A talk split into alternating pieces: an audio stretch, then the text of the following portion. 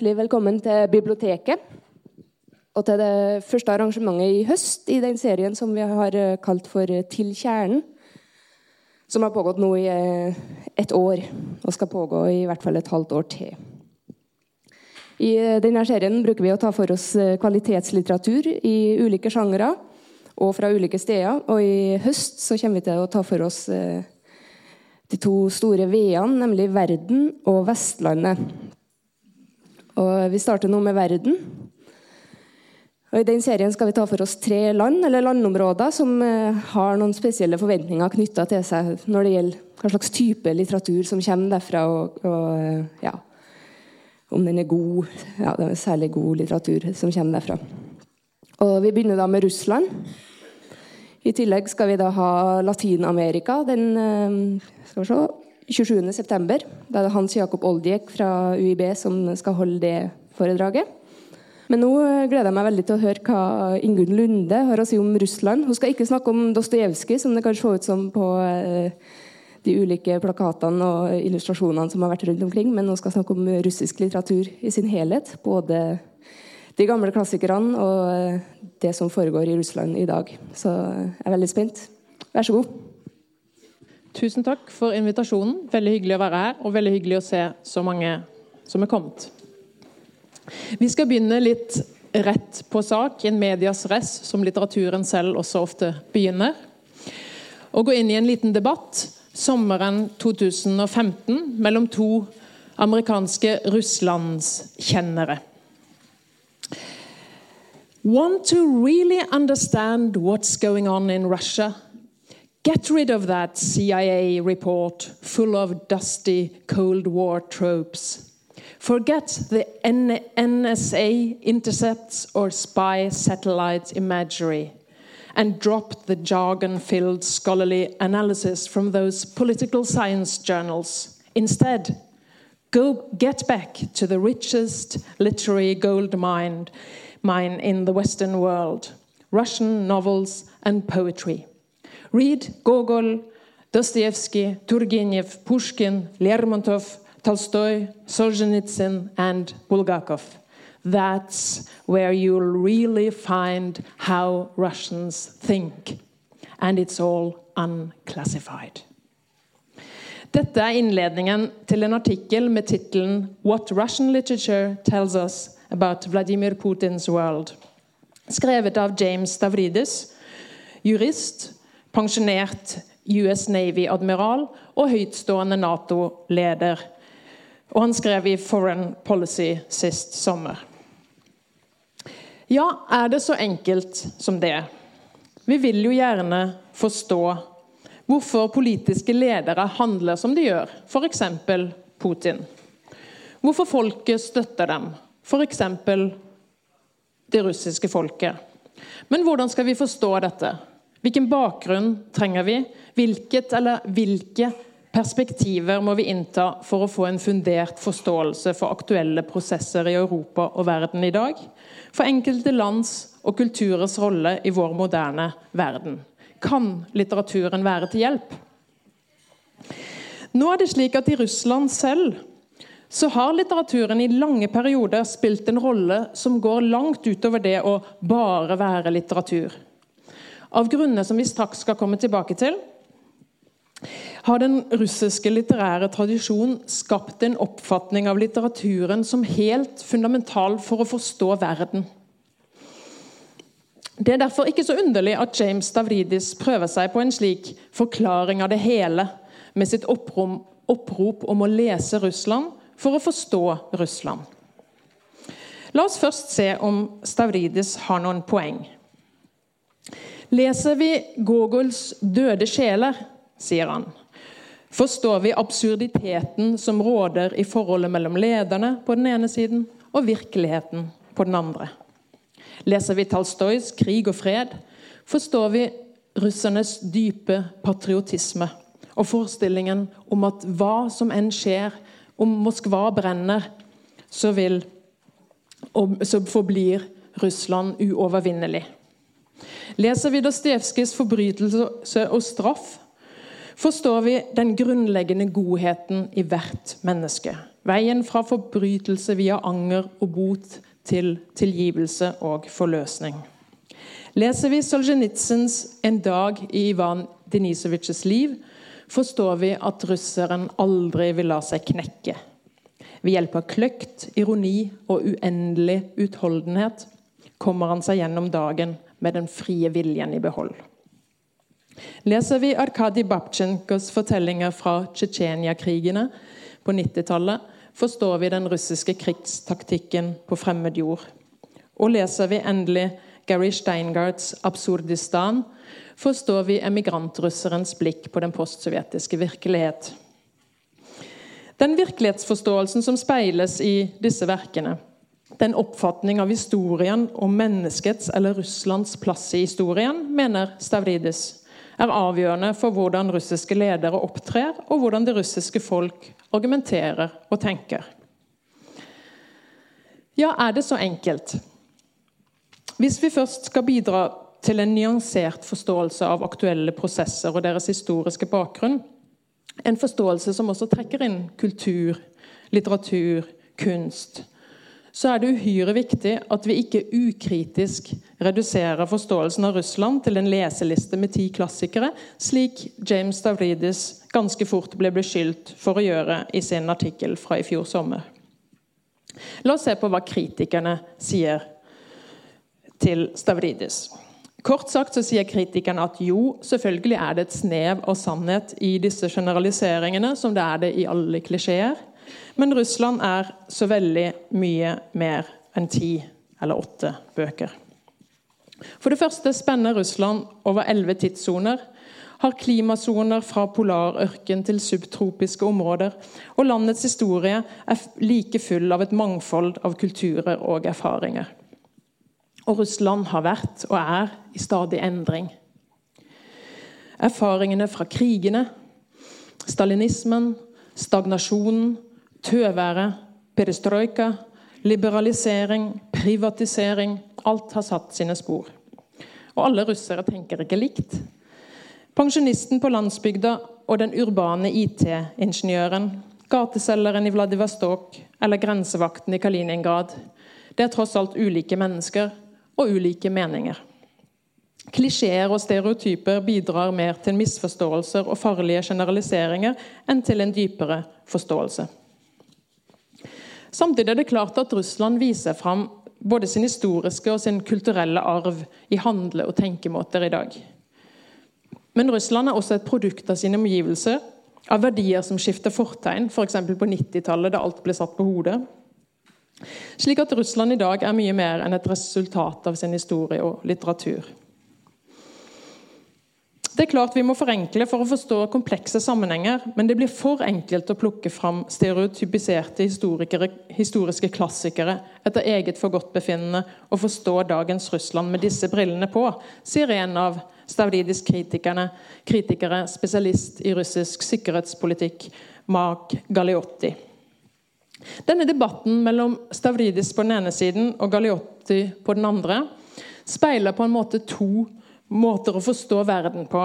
Der den ene er sterkere forankret i humaniora, og den andre eh, er bedre representert i samfunnsvitenskapene. Sannheten ligger, og det er jo et litt kjedelig poeng, et sted midt imellom, tenker jeg. Men så, og det er alt annet enn kjedelig, så er det en dimensjon ved litteraturen og ved kunsten som sådan som James Stavridis fullstendig ignorerer i sin fremstilling av hva vi kan lære av russisk litteratur. Nemlig det enkle faktum at kunst ikke er det samme som virkelighet. Noen kjenner kanskje begrepet 'sjelens ingeniører'. Det er en definisjon på forfattere som gjerne eh, assosieres med Stalin som i sitt møte med sovjetiske forfattere i Maksim Gorkis hjem den 26. oktober 1932 sa at produksjonen av sjeler var viktigere for landet enn produksjonen av panservogner. Og sjelens ingeniører, det var forfatterne. Forfatterne var samlet i Maksim Gorkis hus den dagen for å utarbeide en ny litterær doktrine, den sosialistiske realismen. Litteraturen skulle være enkel, presentere positive, ideologisk entydige helter og ha en lykkelig slutt. Litteraturen skulle virke oppdragende, og forfatterne skulle altså ha oppgaven å bygge og forme sjelene til leserne. En slik oppfatning av litteratur ignorerer helt litteratur som kunst, og koker på en måte ned litteraturen til en enkel forventning om realisme og nytte, der litteraturen speiler en objektiv, eller kanskje snarere en idealvirkelighet, og kan brukes til å forme mennesker og deres sjeler. Men la oss heller stille spørsmålet på en annen måte. Hva eller hvordan er det litteraturen kan formidle og skape forståelse som ikke-litteratur ikke makter? Hva er det som kommer i tillegg i en kunstnerisk fremstilling av virkeligheten, av historien, av historiske erfaringer? For da Gorki og hans forfatterkolleger møtte makthaverne, og programmet for den sosialistiske realismen ble utarbeidet, altså den litterære retning som ble toneangivende i hele sovjettiden, hadde Russland en stor litterær tradisjon å se tilbake på. En tradisjon der nettopp litteraturen ble sett på som helt fundamental for å forstå verden. Litteraturen hadde på 1800-tallet og også utover på 1900-tallet en posisjon i Russland som gjør at vi kan referere til Russland som et poetokrati. Dvs. Si et land der litteraturen spiller en helt sentral rolle i samfunnsdebatten. Hvorfor på 1800-tallet? Det har å gjøre med globale tendenser i kulturhistorien, selvfølgelig, men vi kan også se litt tilbake på utviklingen i Russland. Fra kristningen av Russland like før årtusen spilte kirken og kirkelig kultur en stor rolle i russisk kulturliv og hadde nesten monopol på skriftkulturen helt frem til Peter den stores samfunnsreformer på begynnelsen av 1700-tallet. Russland hadde ikke fått del i de store kulturelle reorienteringer i vest, slik som renessansen og reformasjonen, og dyrket sin kultur som den siste gjenværende ortodokse høyborg etter Konstantinopels fall i 1453, altså bevarende av den store østromerske kristne kulturen. Peter ville få Russland ut av isolasjonen og vendte seg ivrig og ganske ukritisk mot vest. Peter den store underla kirkenstaten, inviterte håndverkere og annen ekspertise fra vest, satte i gang oversettelsesprosjektet, og utover på 1700-tallet fikk Russland et voldsomt kulturelt oppsving etter vestlig mønster, der teater, opera, litteratur, akademier og universiteter vokste frem. Men det var først på 1800-tallet, etter napoleonskrigene, der Russland hadde slått Napoleon, at det vokste frem en egen russisk nasjonallitteratur. Med Aleksandr Pusjkin i spissen, og etter hvert de mer berømte russiske klassikerne, realistene, på andre halvdel av 1800-tallet. Og Nå har vi kommet til Dostojevskij, Tolstoy og Turgenev. Dette var en litteratur som ble en del av verdenslitteraturen. I det autokratiske tsarstyrte Russland kom litteraturen også til å spille en viktig rolle i samfunnslivet og den offentlige debatten. Om alt fra religion, filosofi, juss, fattigdom, økonomi osv.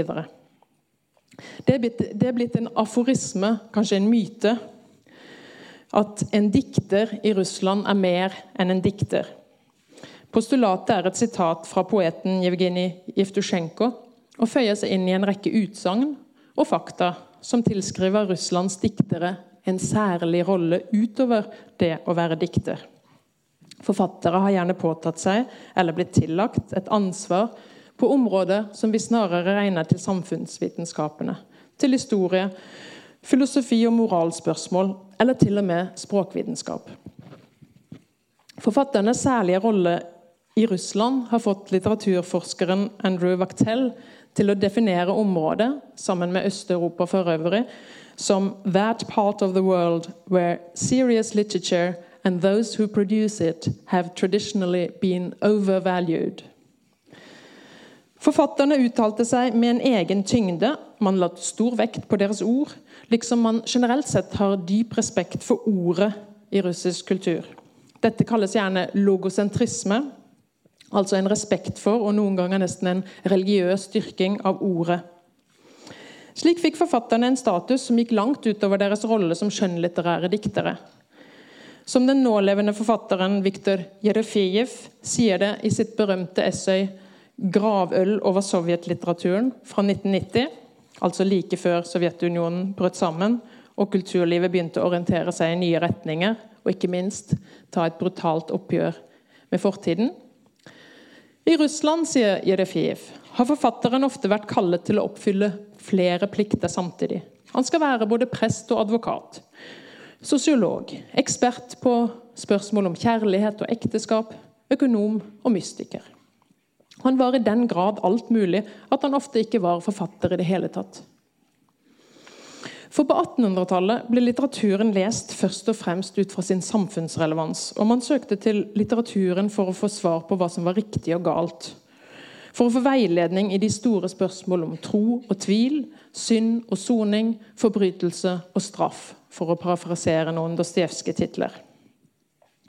Selve lesningen av disse berømte romanene foregikk ofte side om side med lesningen av de radikale kritikerne som forklarte leserne hvordan man skulle forstå litteraturen. For På den tiden kom romanene ikke ut først og fremst som bøker, men i deler i de såkalt tykke tidsskriftene, som publiserte både prosa, poesi, men også litterære, kritiske essays som forklarte litteraturen. På den måten så var selve lesekonteksten for litteraturen en annen enn den vi har i dag, hvor romaner og fortellinger først og fremst utgis i bokform, selv om de såkalt tykke tidsskriftene fremdeles spiller en viss rolle i Russland. Denne fokuseringen på litteraturens samfunnskritiske og moralske betydning betyr også at det estetiske, fokuset på litteraturen som kunst, kom i bakgrunnen. Og Det er dette som er utgangspunkt for Viktor Jerefejevs krasse oppgjør med den russiske litterære tradisjonen i 1990, som han og mange med ham mente var overideologisert, og ikke lot forfatterne være det de var, simpelthen forfattere. Etter Sovjetunionens fall så vi derfor et voldsomt oppsving for litteratur som lekte seg med estetiske virkemidler Særlig med språklig eksperimentering og radikale fortellergrep. Det skal vi komme tilbake til. Men like viktig er det å huske på at visst kan litteraturen på 1800-tallet leses som kunst. For å komme tilbake til spørsmålene som vi stilte innledningsvis. Kanskje er det ikke så vanntette skott mellom litteraturens relevans for virkeligheten og forståelsen av våre liv på den ene siden, og litteraturen som kunst eller estetisk objekt på den andre. Fra sin litterære debut i 1846 drev Dostojevskij radikale eksperimenter i sin diktning, som kan beskrives som en konstant søken etter nye former, nye måter å stille de store spørsmålene på, om nye måter å fremstille mennesker, gjerne nye typer mennesker, i litteraturen. Visst var han opptatt av virkeligheten, men først og fremst var han opptatt av hvordan litteraturen som ordkunst kunne benyttes til å fremstille essensielle, eller skal vi si eksistensielle, sider ved denne virkeligheten på måter som var kunstnerisk overbevisende. Dostojevskij har selv noen interessante uttalelser om forholdet mellom virkelighet og ordkunst. Virkeligheten er sannelig dypere enn noen menneskelig fantasi kan fatte. Og til tross for at fenomenene åpenbart ser enkle ut, er virkeligheten en fryktelig gåte. Mon ikke gåten kommer av at i virkeligheten er ingenting avsluttet, liksom det også er forgjeves å lete etter en begynnelse. Alt flyter, og alt er, men du får ikke fatt i noe. Og det du måtte få fatt i, forstå, det du setter ord på, er straks blitt en løgn. En uttalt tanke er en løgn. Dere ser at siste uttalelse er et sitat. Det er fra den romantiske dikter Fjodor Tsjutsjev på 1800-tallet, som er et av de hyppigst siterte fraser fra russisk 1800-tallslitteratur. Dostojevskij formulerer her sin versjon av et klassisk problem. Veien fra virkelighet til forståelse på den ene siden, og fra tanke til ord på den andre.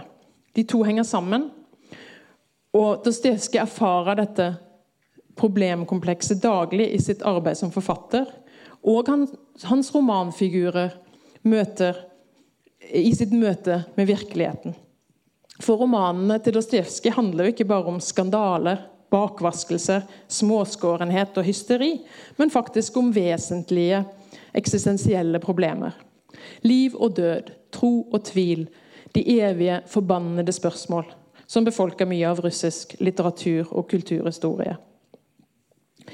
Dostojevskij ble en mester til å skildre disse dilemmaene i sine romaner. Både hvordan heltene strever etter å forstå virkeligheten, og hvordan de strever med å sette ord på den. For Dostojevskij er realismen, som jo er den litterære retning han som regel assosieres med, alt annet enn skildringen av en objektiv virkelighet. Som litteraturforskeren Michail Bertin har vist, er hele Dostojevskijs romankunst en stor demonstrasjon av språkets og subjektets rolle i fortolkningen av virkeligheten. Bare gjennom at et jeg uttrykker virkeligheten i ord, kan den gi mening. Det pessimistiske siden av denne saken, det språkskeptiske synet, er uttrykt i det Tjutsjev-sitatet som vi nettopp så på. I det virkeligheten settes ord på, blir det en løgn. Men Dostojevskijs eget forfatterskap viser også hvor mye mening og betydning virkeligheten får, nettopp gjennom å brytes gjennom det kunstneriske ordet. Gjennom romanheltenes bevisstheter og deres språk. Tenk på alle dialogene hos Dostojevskij, og hvordan vi som lesere, lesere blir revet med og nesten begynner å diskutere med personene. 1800-tallet var ideenes tid i Russland. Og litteraturen var en av de viktigste arenaene for å diskutere ideer og ideologier. I Dostojevskijs romaner er dette spesielt tydelig, siden han lar disse ulike ideene og splittelsene, ofte innenfor én og samme person, komme så tydelig til uttrykk. Et berømt eksempel er Karamazov-broren Ivans møte med djevelen, der den indre splittelsen i Ivans personlighet arter seg som et møte og en dialog mellom ham selv og den andre, som er djevelen. I en moderne teateroppsetning kan man løse dette ved å la to personer spille inn Ivan i denne dialogen. På 1900-tallet opprettholdes på mange måter tradisjonen med å la litteraturen være toneangivende i samfunnsdebatten. Men nå i en todelt linje, der den offisielle, sanksjonerte litteraturen representerte statsideologien, i sine ønskelige former, mens undergrunnslitteraturen uttrykte alternative virkelighetsforståelse eller samfunnskritikk. Her i vest kjenner vi best til den siste, mens sovjetiske produksjonsromaner som Fjodor Glatkovs 'Sement' fra 1925 er ukjente for de fleste, har mange lest Solzjenitsyn eller Pasternak. Når Jerefjev kommer med sitt kraftige oppgjør med den etiske, moralske og didaktiske dominansen i russisk litteratur, så retter kritikken seg derfor både mot 1800-tallet og 1900-tallets klassikere. Det første tiåret etter Sovjetunionens fall og sensurens fall så vi mye form- og språkeksperimentering i litteraturen, som tidligere nevnt. Allerede undergrunnslitteraturen fra den sensovjetiske tiden hadde stått i estetikkens tegn. De forfattere som vi gjerne kaller konseptualistene, grep fatt i ideologiens språklige uttrykk og nedmonterte klisjeene ved å tømme dem for ideologisk innhold, sammenstille dem i stadig mer absurde konstellasjoner og, ut, og utstille deres tomhet for alle å se. La oss se på et eksempel. Forfatteren Vladimir Sarokins roman 'Blått fett' fra 1999. Sarokin er født 1955 og etter min mening den absolutt viktigste forfatter i dagens Russland. Han er utkommet på norsk med disse romanene 'Køen', 'En opplitsjniks dag', 'Snøstormen' og 'Teloria', som kommer nå i høst.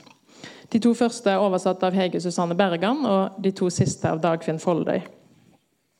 Handlingen i 'Blått fett', som dessverre ikke er oversatt, men som finnes på svensk, starter i året 2068 i et Sibir som er okkupert av Kina.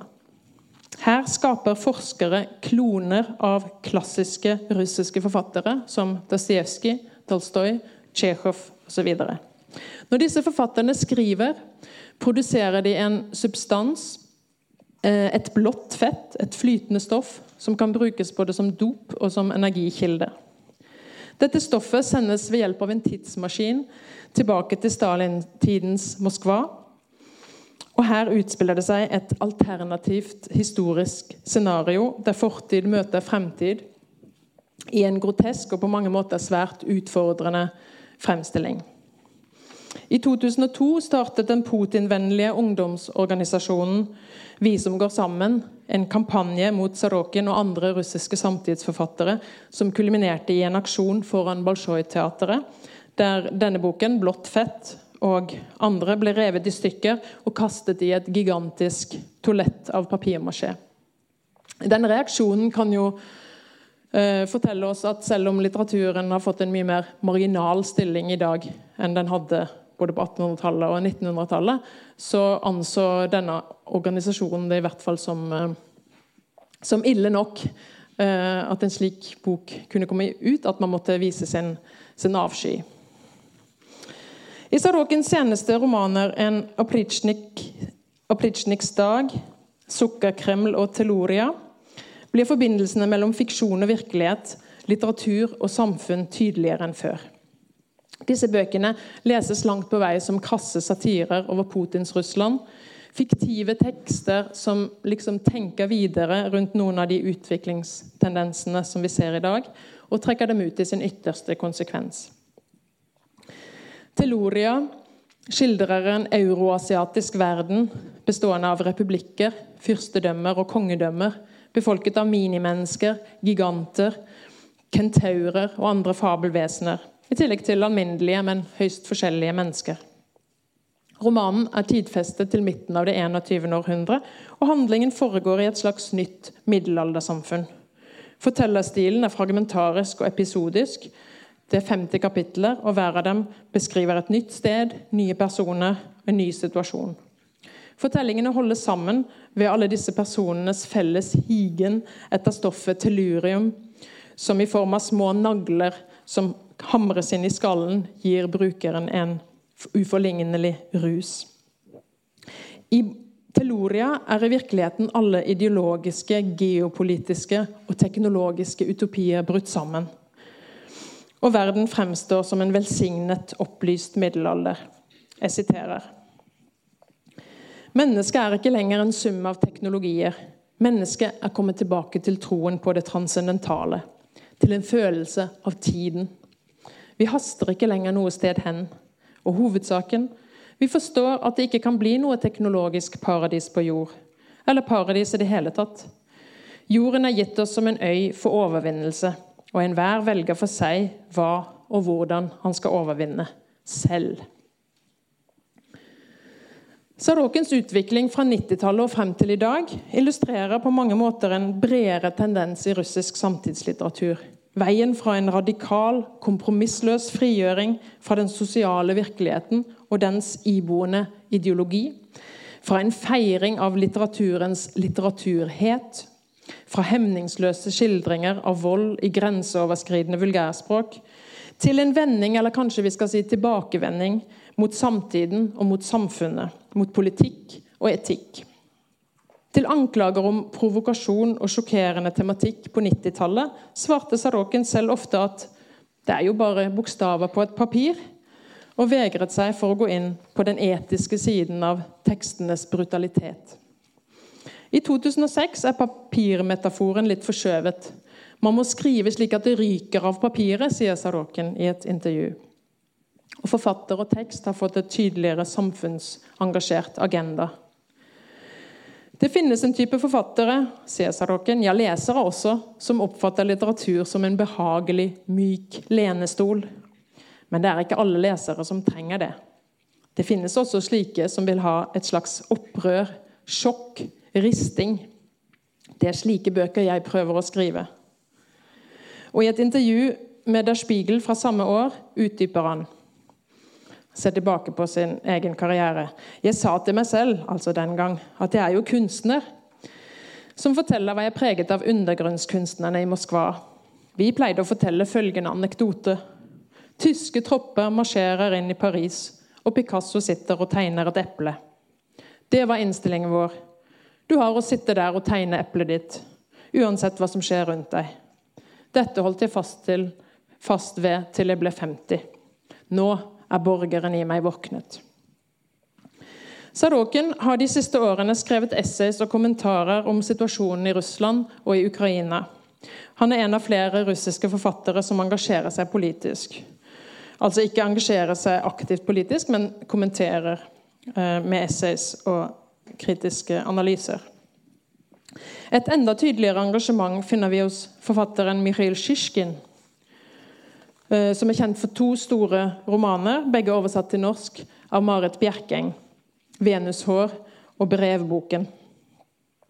Sjisjkin ble for alvor kjent for sitt samfunnsengasjement da han i 2013 trakk seg som representant for den russiske delegasjonen ved den store amerikanske bokmessen Book Expo.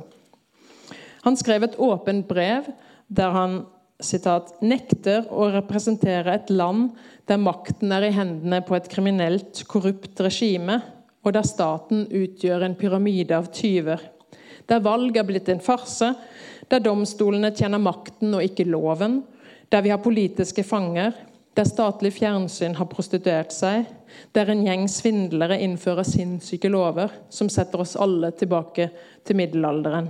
Et slikt land kan ikke være mitt Russland. Reaksjonene lot ikke vente på seg. Visepresseministeren sa han var forbauset, men la til litt arrogant, at slikt kan jo fort hende når emigrantforfattere bor for lenge i utlandet, med henvisning til Sjisjkins nye hjemland Sveits. Sjisjkin får nå ikke lenger støtte fra fondet som støtter utgivelser av russisk litteratur i oversettelse, men ellers så er ikke slike protester direkte farlige for forfatterne. Som Kirken selv sier, jeg er ikke på første side av listen over Putins fiender, og heller ikke på andre eller på tredje.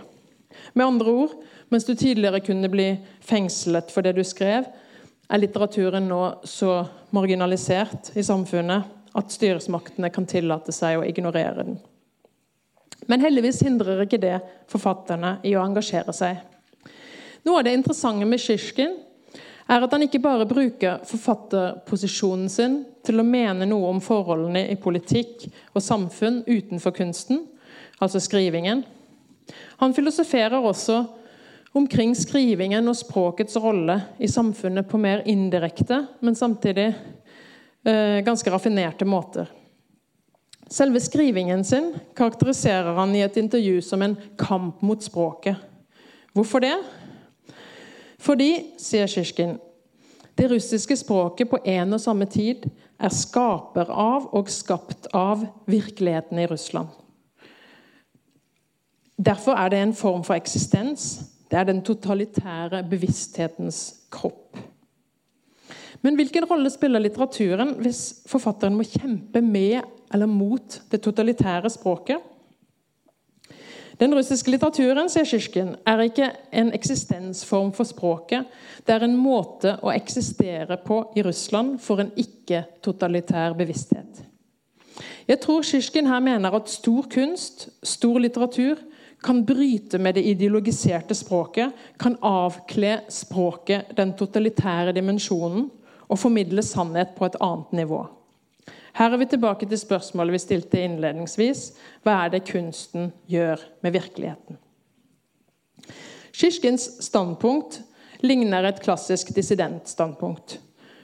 Og det er et faktum at språklige ideologier står sterkt i totalitære samfunn og Russlands sovjetiske fortid gjør nok at ideologisk språkbruk er noe som mange russere, og kanskje spesielt forfattere, reagerer sterkt på. Samtidig er det en ny tendens i russisk samtidslitteratur at litteraturen igjen fremstår som mer ideologisert. Dette gjelder særlig den patriotiske litteraturen. Man snakker gjerne om en neokonservativ eller neotradisjonalistisk vending i russisk litteratur rundt årtusenskiftet. Og Her finner vi et ganske mangefasettert spekter av forfattere, hvorav noen er aktive medlemmer av det nasjonalbolsjevistiske partiet, som Zahar Prilepin og Edvard Limonov. Eh, Sergej Sjargonov har vært leder for patriotiske ungdomsbevegelser og skriver realistisk, samfunnsengasjert prosa med klare didaktiske overtoner.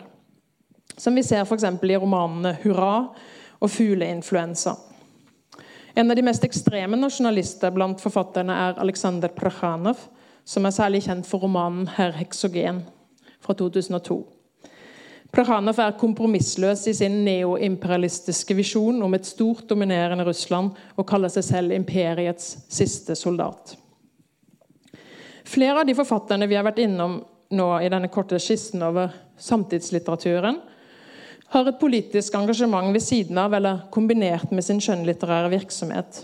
Enten de hører til den liberale opposisjonen, nasjonalbolsjevikene eller andre fraksjoner. Flere av dem skriver i både russisk og vestlig presse om situasjonen i Russland, om Ukraina-krisen.